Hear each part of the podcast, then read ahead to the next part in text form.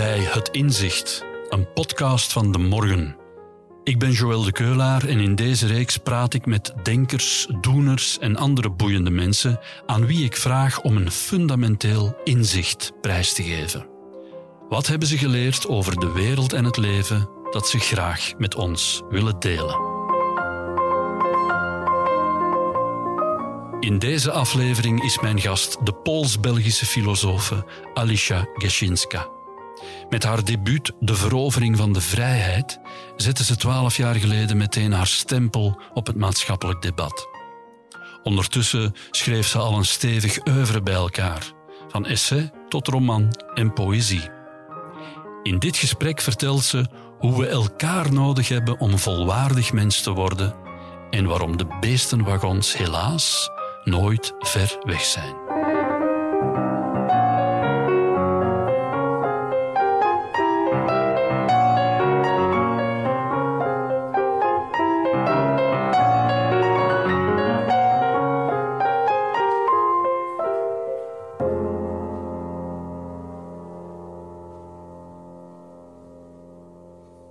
Alicia Geszinska, welkom in onze podcast Het Inzicht.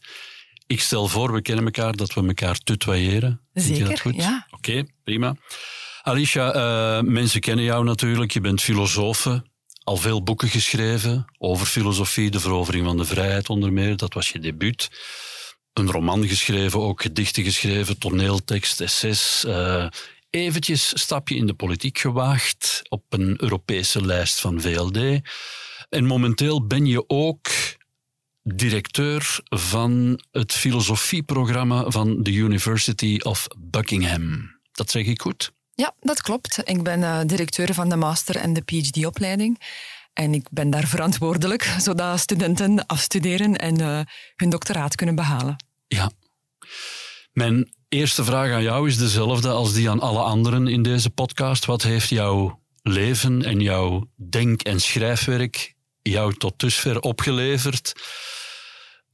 kun je daar een fundamenteel, tijdloos, cruciaal inzicht uit destilleren dat je graag met ons zou willen delen?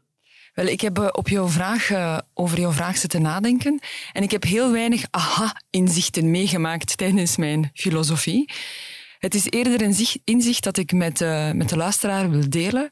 Dat ik denk ik eigenlijk altijd intuïtief aanvoelde en daardoor ook aangetrokken was tot filosofie, om filosofie te doen en naar bepaalde denkers. En het is pas recent dat ik wel inzie dat dat ook de rode draad is in al mijn werk en in alles wat ik doe.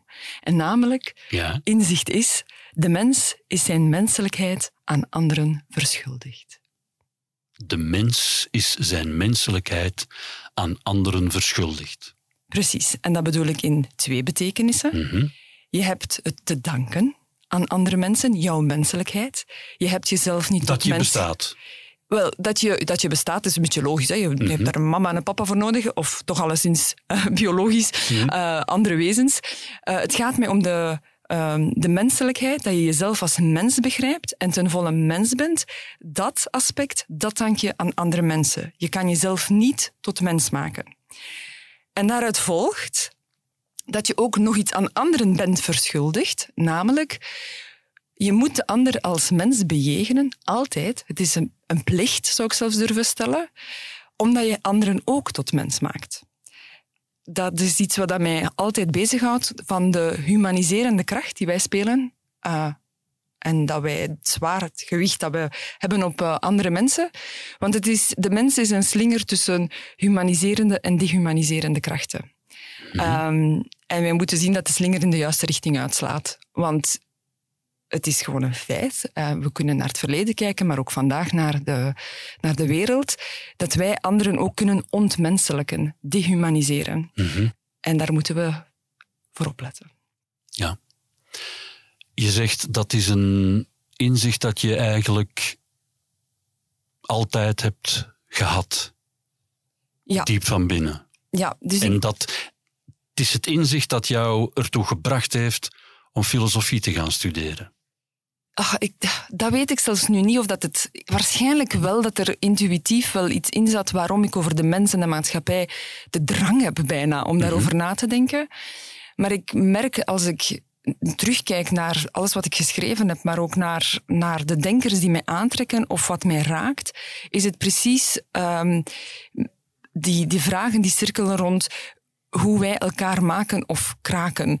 Um, want wij zijn, wij zijn, oorspronkelijk komen wij uit het dierenrijk hè, en uh, wij zijn mens geworden met een beschaving. En wij lijken dat allemaal zo vanzelfsprekend te vinden dat wij dat zijn, uh, of toch veel te vaak. Maar wij kunnen ook stappen achterwaarts nemen en elkaar als beesten behandelen. Maar we maken deel uit van het dierenrijk, zeg maar. Hè? maar ja, ja, juist daarom. Wij ja. hebben wel een moraal ontwikkeld die... Uh... Precies. Ja. Precies. En moraal is niet zoiets vanzelfsprekend van, van uh, dat is er en dat zal er altijd zijn. Heel ons mens zijn en hoe we elkaar als morele wezens begrijpen en behandelen, is een uh, verworvenheid en geen gegevenheid. En misschien moeten we een stap terugnemen. Mm -hmm omdat ik al zei, in de eerste plaats, je kunt jezelf niet als mens maken. En we hebben daar voorbeelden van, hè. zeer trieste voorbeelden, dat worden dan de wolfskinderen genoemd. Mm -hmm. uh, kinderen die niet de liefde hebben gekregen van hun ouders, uh, niet zijn om, omarmd geweest. Een zeer schrijnend voorbeeld is Ginny Wiley in Amerika, die in de jaren 70 is, of op 1970 is gevonden. Een meisje van 13, die s'avonds uh, in haar bed werd vastgebonden en overdag op een stoel. En die heeft geen, geen omhelzingen gehad, geen communicatie, geen taal. Dat meisje is gevonden op de leeftijd van 13. Ze zag eruit als een meisje van 7. Ze zat nog in haar pampers, ze kon niet communiceren. Um, en het gaat communiceren bedoel ik meer dan taal. Het gaat niet enkel om taalverwerving. Ze kon geen gezichten lezen, ze had ook geen gezichtsexpressie. Ze kon niet kenbaar maken wat ze wou. En dat is een achterstand dat ze nooit heeft ingehaald. Dus uzelf begrijpen als mens, kunnen communiceren in een gemeenschap van mensen, een gelaat kunnen lezen, weten of iemand triest of vrolijk is, uh, kunnen ook uitdrukken wat je zelf wilt, kunnen ook uittonen aan je, aan gezonder woorden wat je zelf wilt, is dank je door omringd te zijn met andere mensen, door die constante communicatie. En uiteraard, idealiter krijg je daar nog liefde bij en omhelzingen en aanrakingen. En dan ook, dat ook is, als zelfs kinderen hebben, sommige kinderen hebben wel eten gehad en, en uh, communicatie en hebben wel een taalverwerving, maar hebben nooit gehoord dat ze graag gezien worden. En die hebben het ook heel lastig om, om zichzelf graag te zien en verder graag te zien. Dus op het moment dat je als mens een positie je in een positie bevindt dat je de taal kan, dat je um, jezelf als mens begrijpt met rechten en plichten, dat je je kan uitdrukken, dan heb je dat, dat heb je gewoon. Dan moet je beseffen dat je dat aan anderen te danken hebt. En zo komen we ook bij het tweede. Je moet dat ook terug kunnen geven. Laten we even bij de dankbaarheid blijven. Is die voldoende aanwezig bij de doorsnee mens in onze wereld, uh, om het even niet. kort door de bocht nee, te vragen? Totaal niet, want wij hebben nogal een maatschappij dat vaak mensen die het goed hebben en veel hebben bereikt, een beetje boos worden op de maatschappij en dan zeggen, ik moet je niks. Ik ben niemand iets verschuldigd. Uh, dat ik staat op t-shirts ook, hè? moetjes niks. Precies, dat staat op t-shirts. Uh, mensen durven dat ook uit te schreeuwen.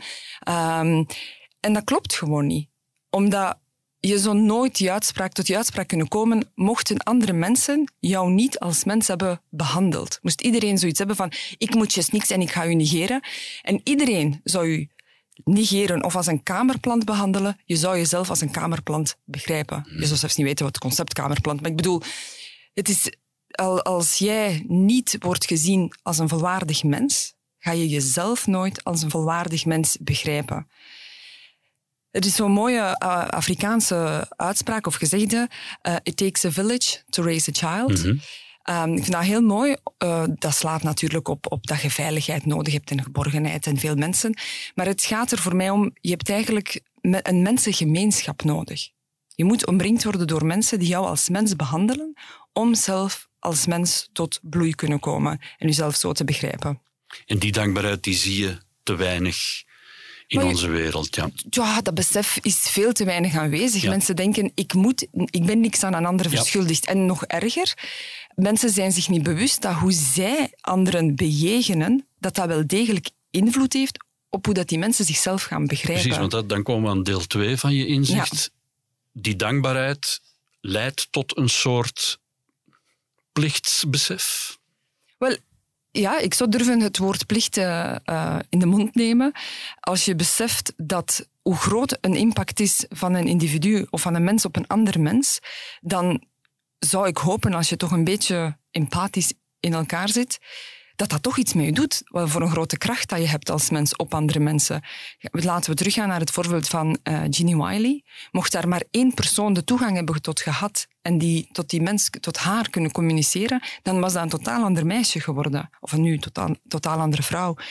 En hoe wij, als wij mensen bijvoorbeeld uh, plagen of pesten of altijd zeggen je ze niks waard of wat dan ook, mensen kunnen dat internaliseren. En dat kan tot, dat kan grote gevolgen hebben op iemand.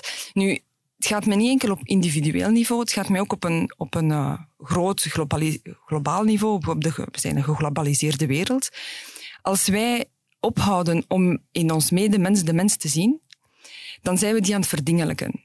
En ik vrees ervoor dat we dat aan het doen zijn op grote schaal. Ja? Dat zijn we aan het doen, ja. Mhm. Er zijn miljoenen mensen aan de buitengrenzen van Europa in kampen. Mm Who cares? Sorry dat ik het zo cru zeg, wij mhm. denken of wij proberen ons ogen daarvoor af te sluiten. Onlangs nog, recent, een noodkreet van de VN. 8 miljoen kinderen dreigen om te komen van de honger in 2023. 8 miljoen kinderen.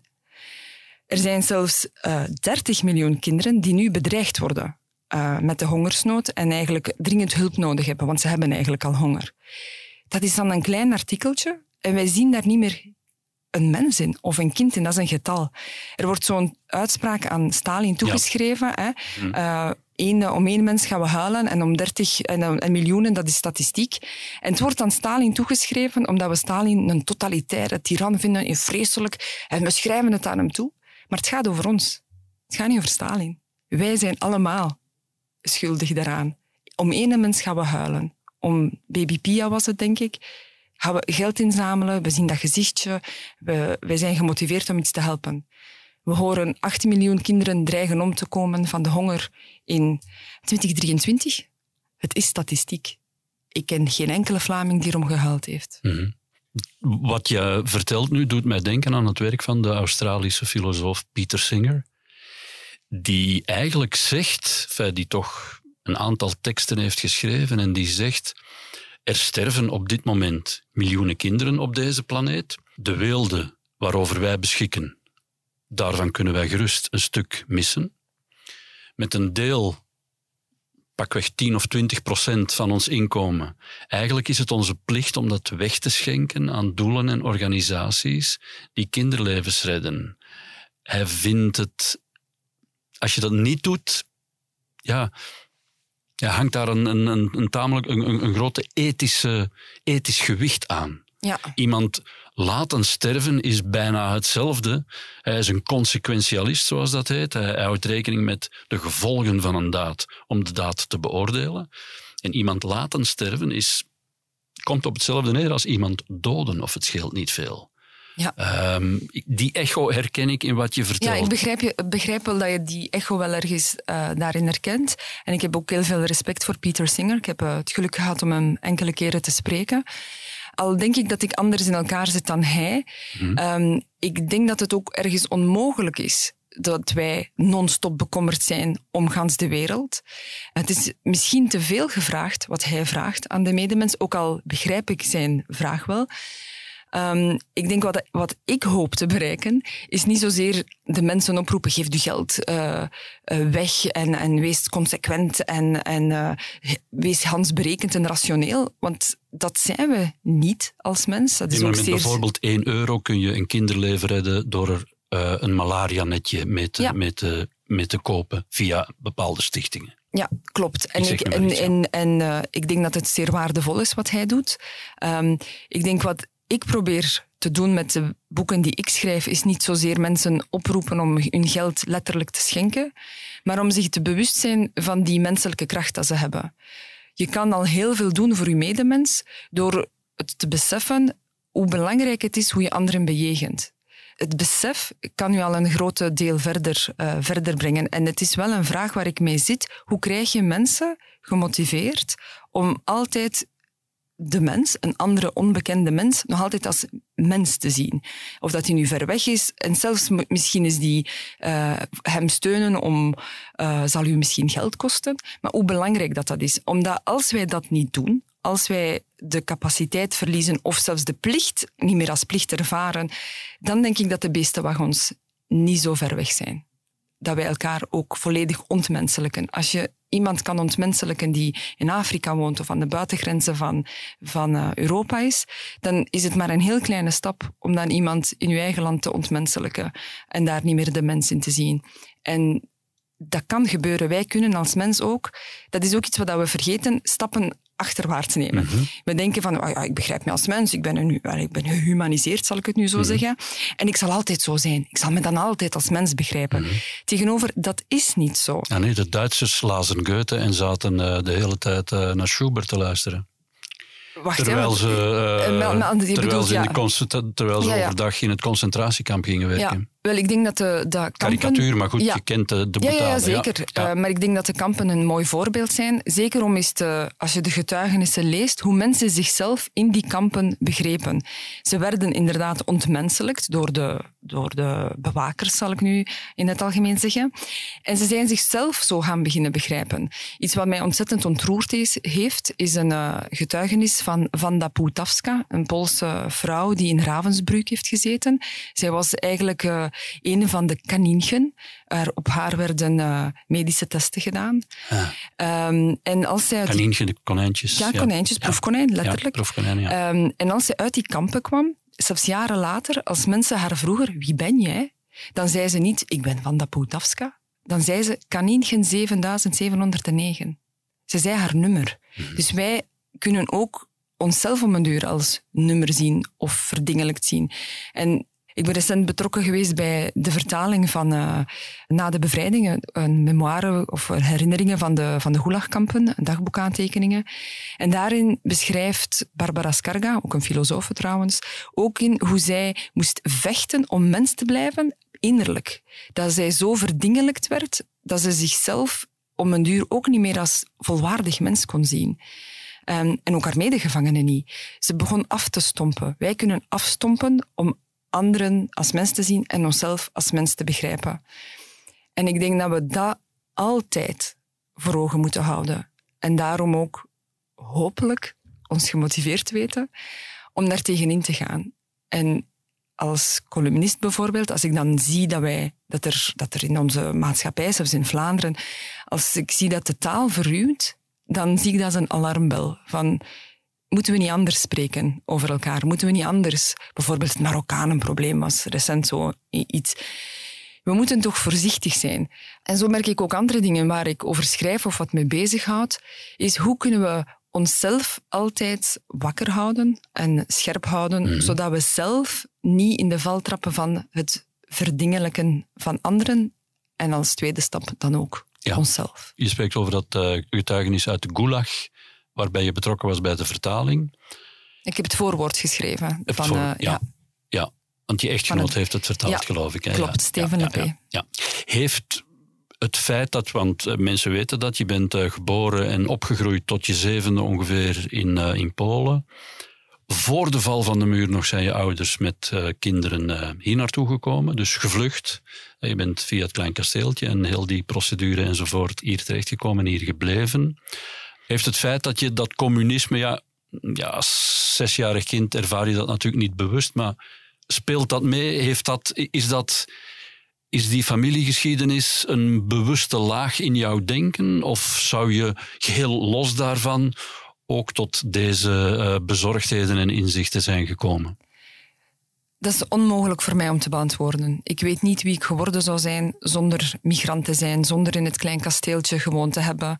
Um, ik weet niet of ik dezelfde inzichten zou gehad hebben in Polen. Hm, ik weet niet, zelfs niet of ik filosoof zou zijn. Nee. Ik zou graag denken van wel. uh, maar mhm. de eerlijkheid gebiedt mij om toch te zeggen dat ik dat niet weet. Maar ik kan daar ook niet uit concluderen dat omdat ik migrant ben, omdat ik in het klein kasteeltje heb gewoond, omdat mijn moeder en mijn vader soms zeer slecht uh, zijn behandeld geweest, dat ik nu denk wat ik denk. Want zo, er zijn zoveel migranten. Tuurlijk, ja. En zoveel mensen die in asielcentra hebben gezeten, die niet schrijven en geen filosoof zijn. Dus ik denk niet dat het een één-op-één relatie is, maar uiteraard, je draagt je geschiedenis met je mee. Ja. En ik denk dat ik wel, wat, wat ik wel heel hard voel, is dat ik een afkeer heb van extremen. Dus uh, ja, het communisme, een linkse ideologie, heeft mijn leven heel hard getekend. In Vlaanderen aangekomen. Uh, de Zwarte Zondag was ook zo'n pijnlijk moment. Heeft het rechtse mijn leven getekend op een andere manier. Dus ik heb echt een, een, een bijna een allergische reactie voor extremen. Ik ben echt een, graag in het midden van mhm. alles. Ik sta open voor alle ideologische kampen en strekkingen en gesprekken en wat je maar wilt, maar niet voor extremen. Dat ja. uh, heb ik een, een allergie aan. Ja. ja, want inderdaad, er is wel iets wat ik buitengewoon fascinerend aan je vind. Uh, enfin, vele dingen die ik uh, fascinerend aan je vind en aan je werk. Uh, je zei daarnet ook columniste. Je hebt een column in de morgen. Hè, ten, ter attentie van de luisteraar. Die weet dat natuurlijk. Of als hij het niet weet, hij of zij, dan dringend kennis maken met de columns van Alicia in de morgen. Uh, ja, daar maak je echt ook werk van. Dat zijn uh, niet zomaar, uh, dat zijn geen cursiefjes, zal ik maar zeggen. Hè. Je legt daar echt boodschap en, en, inzichtelijkheid in, in die columns. Dat zijn hele mooie werkstukken altijd. Maar wat ik, de vraag waar ik toe wilde komen, en die heb ik je al vaak gesteld, en je hebt nog nooit beantwoord, en dat is je levensbeschouwelijke positie. Ah ja, dat is waar. Dat is Die vraag komt... komt uh, ik, ik, voel je lichtjes ah, nee. zuchtend... Uh, ah nee, ja, dat komt inderdaad heel vaak terug. Dat mensen van, zeer... Ben je gelovig, ben je ongelovig, ben je katholiek, ben je vrijzinnig? Waar sta je in het levensbeschouwelijke veld? Ja. En, het vast, en, jij, en je antwoordt dan altijd van, ja, kijk gewoon naar mijn argumenten en hoe ik filosofisch redeneer en beoordeel mij daarop ik heb dat hokje van dat. Maar het blijft me fascineren. Begrijp je dat? Ja, dat begrijp ik zeker. En uh, je bent niet de enige die aan mijn mouw trekt met de vraag van zeg het nu toch eens, zeg het. Ja. Uh, mensen willen zo graag horen dat ik uh, me oud bijna tot iets.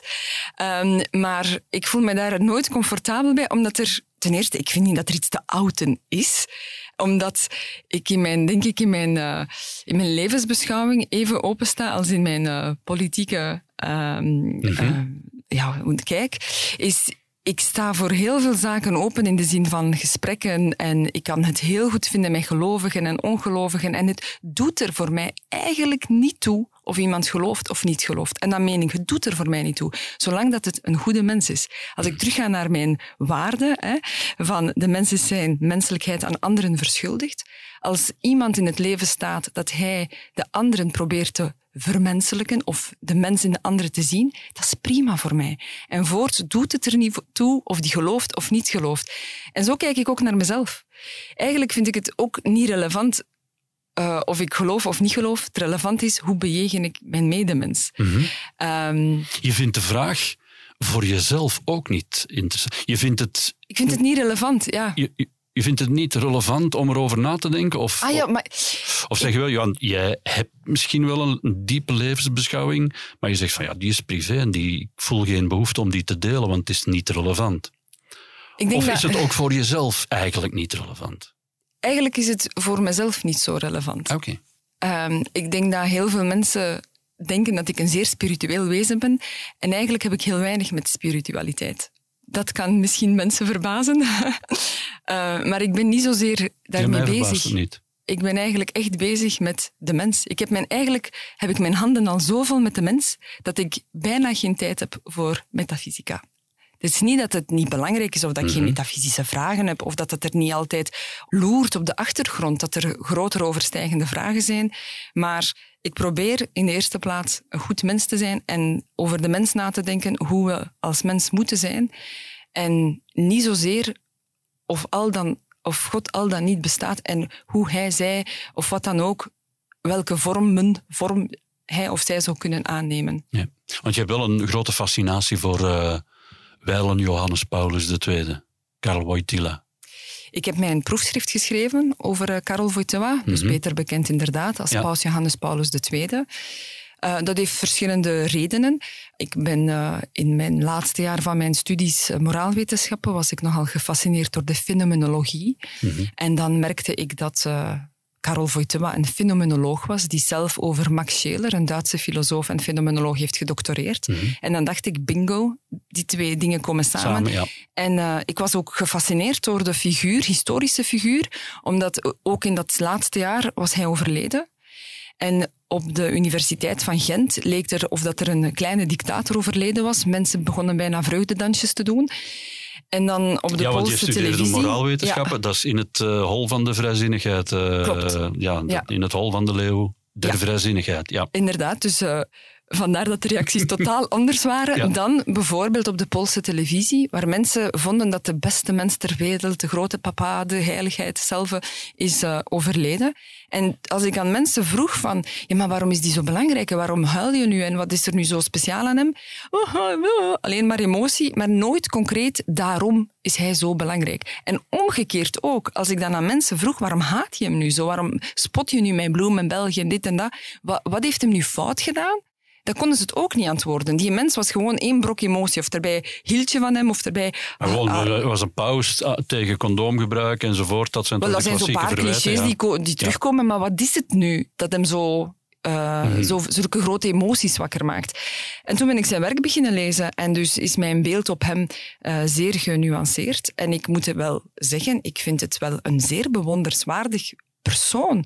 Ik ben een boek aan het schrijven, al tien jaar trouwens, maar dit jaar in 2023 ga ik het ook afwerken. Ehm, is een boek, De filosoof die paus werd. Gaat het echt over hoe hij ehm, hoe zijn denken is ontstaan en hoe hij tot het denken is gekomen. En tot zijn, want eigenlijk op het moment dat hij op dat balkon verscheen en eh paus werd uitgeroepen, op dat balkon stond een filosoof met een gans wereldbeeld. En hij heeft eigenlijk die filosofie kunnen later implementeren, als het ware, in al zijn encyclieken en al zijn dingen. Het is ook nog tot op vandaag de meest geziene mens, de meest eh, reizende filo- eh, filosoof, paus bedoel ik. En het fascineerde mij, hoe komt het ook dat zo iemand, die een Hanse filosofie aan vooraf is gegaan, dat daar zo weinig is over onderzocht. En, en, en ja, ieder- iedereen was gefascineerd met wie dat hem op de koffie ging als paus en wat dat hem allemaal heeft gedaan en wie dat hem heeft aangeraakt. Ja, letterlijk bedoel ik mijn handje te schudden, niks meer. Ehm, maar niemand kon mij echt de filosofie eh, uitleggen. En dus ja, dat is een, een fascinatie van mij geweest. En ik, ik weet daar nu toevallig te veel van misschien, maar heel veel van, ja. Ja. En sluit zijn filosofie aan bij het inzicht dat je nu met ons aan het delen bent? Ja, hij was eh, in, in die zin, hij was eh, altijd ook ge- gefascineerd door de vraag van eh, personhood of van personalisme. Hij was een personalist, ook van het mens zijn. Wat maakt ons tot mens? En hij streed tegen het communisme dat de mens probeerde te verdingelijken. En daar was hij bezig. Hoe kunnen we ervoor zorgen dat de mens geen ding wordt en zichzelf niet als ding begrijpt? Nu, je kan zijn, eh, bijvoorbeeld zijn seksuele moraal achterhaald vinden en niet meer voor de 21ste eeuw.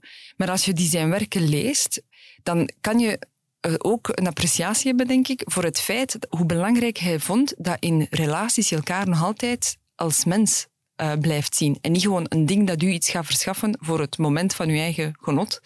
En dat jij ook jezelf maar moet reduceren tot een, bijna een voorwerp dat even genot gaat geven aan iemand anders. Dus ik denk, ik kan heel veel leren uit mensen met wie dat ik uiteindelijk ook Ja. niet akkoord ga. Ja. Iets wat me ook eh, fascineert, die vraag heb ik je ooit gesteld en dat antwoord vond ik heel ehm, bijzonder en leerzaam. Ik ken een aantal filosofen die kinderloos zijn. Een van de redenen waarom ze dat zijn, ik weet niet of ze dat nog zullen blijven, is omdat ja, als je kinderen hebt, heb je minder tijd om te studeren en te schrijven en na te denken en zo verder. Kinderen nemen een groot stuk van je leven in beslag en dat staat je filosofische arbeid misschien in de weg. En dan heb ik aan jou eens gevraagd, u hebt drie kinderen, hoe dat bij jou is, staan die jouw filosofisch denken of jouw filosofie niet in de weg? En toen zei je nee, die zetten mij net op een andere manier in de wereld als filosoof. Ja, en, en houden mij ook scherp op Ja. een bepaalde manier. Het is ook, om nu in het thema van het mens zijn en Ja. menswording te blijven, het is ook een grote opdracht om hen tot mensen te maken. Precies, daarom, daarom stel ik de vraag, er is dat, die link, door die link, ja. Ja, en, eh, en ik vind het ook belangrijk om mezelf niet als belangrijkste mens te zien op deze wereld. Mijn denken, mijn boeken, mijn zijn, eh, mijn carrière. Ik ben ook niet de belangrijkste. Andere mensen zijn veel belangrijker dan mij. En kinderen zijn een, een, eh, een goede manier om ergens, ik weet niet, bescheiden in het leven te blijven staan. De noden van mijn kinderen en ook van andere mensen zijn vaak gewoon belangrijker dan mijn eigen noden. En ik vind kinderen een groot geschenk. Ik ben ook zeer graag eh, mama. Het is niet zo populair om dat te zeggen als schrijfster en als filosoof. Mensen hebben graag van vaak schrijvers die zeggen van, oh nee, het is alleen maar een last. En ik het is in de mode om te zeggen dat je spijt hebt. Uh, het is bijna in de mode om te zeggen dat je er spijt van hebt dat je kinderen hebt. Hè? Ja, en dat, dat, is, dat het een last is in je mhm. leven. Tegenover, uh, ik vind het, uh, ik leer van hen. Ik leer ook mezelf door hen kennen. Uh, het is pas door in confrontatie te zijn met een andere mens, in, in die relatie, dat je ziet hoe je eigenlijk zelf ook in elkaar zit. Nu wil ik het niet laten klinken, ik heb daarom kinderen gekregen om mezelf te leren kennen, of wat dan ook. Ik denk niet dat ik ook een bevredigend antwoord kan geven. En daarom heb ik voor kinderen gekozen. Het was ook een rationele beslissing, maar het, er zit daar ook zoveel dat ik niet begrijp. Dat het gewoon goed aanvoelde, intuïtief. Van het moet, ja, dat dit mijn, mijn levenspad is. En ik heb, uh, ik heb het, uh, ook het geluk dat ik ook de drie mooiste mensen op de wereld heb gezet. En de, de wereld zal het op een dag uh, zien en mij gelijk geven. ja, prachtig. Ja, ja, ja. En wat heeft het leven voor jou nog in petto? Ah, dat weet ik ook niet. En ik hoef het ook niet te weten. nee, ik ben... ik ga nu niet zeggen, ik neem de, het leven van dag tot dag of zo. Maar wat ik probeer te doen, is gewoon de dingen te doen waar ik in geloof, de dingen te schrijven waar ik, die ik belangrijk vind, de auteurs te lezen die ik belangrijk vind. En als mens te blijven groeien. Uh, ik denk ook niet dat ik als filosoof, dat ik er, allez, niet van, ik heb mijn studies gedaan, ik heb van alles geleerd en nu is het mijn tijd om uh, van alles te, naar de buitenwereld te brengen. Ik, voel, ik ben nog zelf altijd een student ergens. Ik denk dat een filosoof een levenslange autodidact is die maar mhm. blijft studeren.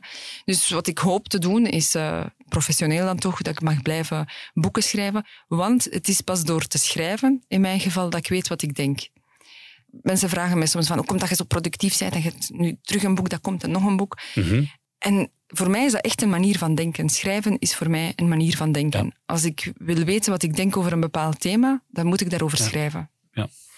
In het eerste seizoen van deze podcast was Tineke Beekman te gast, ook een filosoof, die net zoals jij heeft gekozen voor de vrijheid van het zelfstandige bestaan, die niet de academische wereld is ingegaan. Nu ben je op dit moment wel directeur van dat uh, filosofieprogramma. Ja, dat is mij, een, een, been in de academische Dat is met één, met één been. Maar je bent daar ook nooit volledig ingestapt.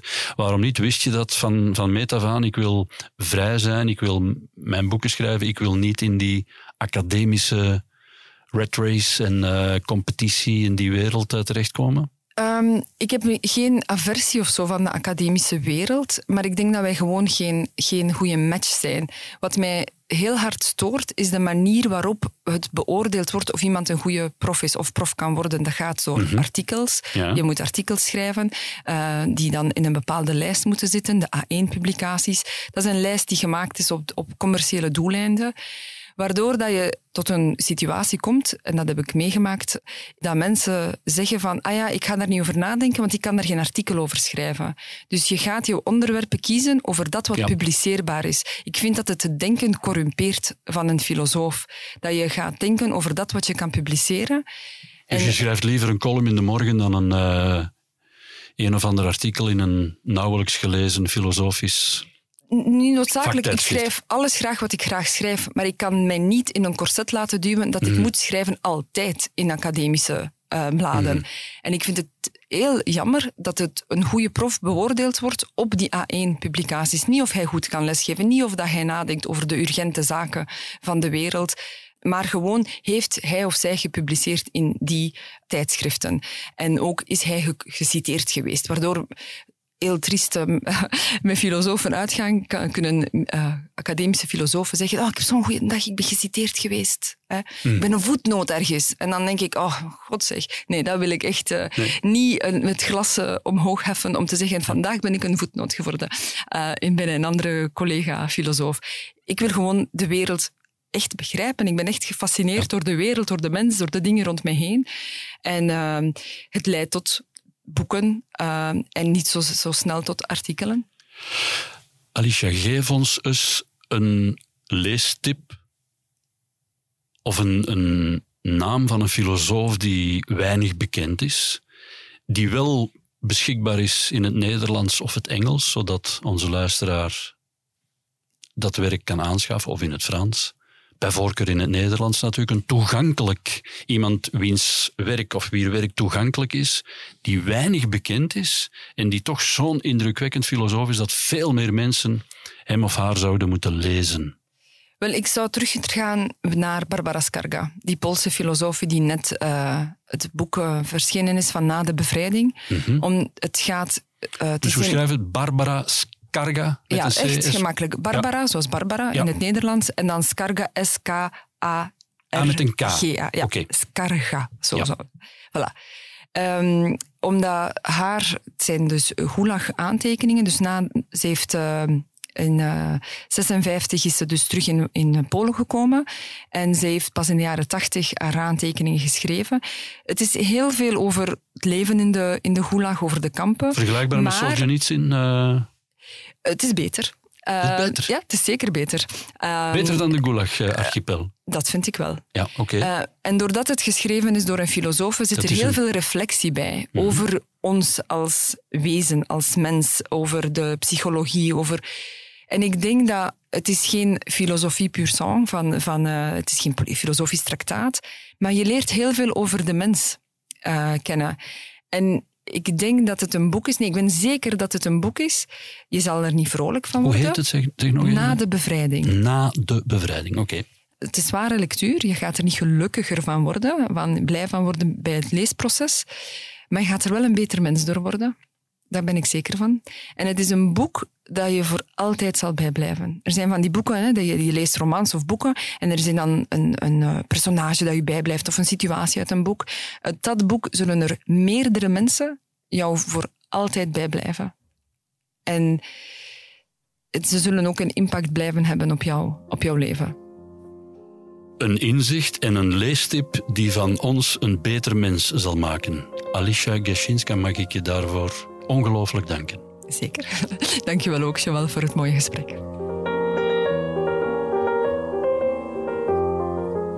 U luisterde naar een aflevering van Het Inzicht, een podcast van De Morgen. Ik bedank Dries Vermeulen voor de productie en Sam Vijs voor de eindredactie. Meer afleveringen van deze podcast vindt u in de app van De Morgen of via Spotify of Apple Podcasts. Als u graag reageert, dan kan dat via het e-mailadres podcasts.demorgen.be. Grote dank dat u luisterde.